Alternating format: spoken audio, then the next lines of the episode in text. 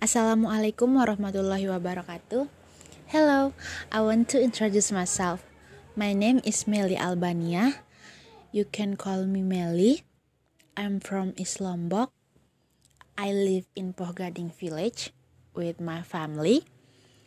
Um, I was born in Depok, West Java on 20 October 2001 uh, I graduate from Pringgabaya Vocational High School and my hobby is cooking because I love to eat so much.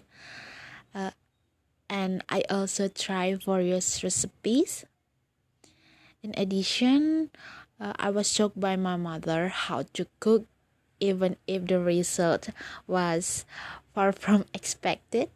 Yeah, but I was very happy with what I had accomplished, and I also learned from my mistake.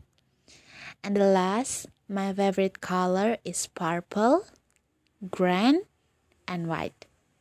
That's all about me. Thank you very much.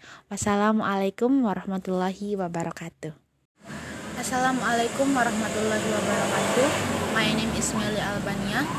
Let me briefly explain some of the articles I have read. The average article I chose on the topic was about online learning during the pandemic.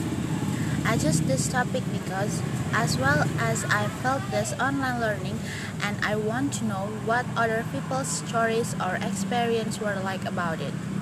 Now, from what I have read, I can conclude that this online learning is not particularly effective since it has so many obstacles such as expensive quota for signals and so on. Even though the government has been providing pre-quota subsidies to students, but there are actually some or most of students not getting help with this quota. This is the problem at the time of the pandemic. That's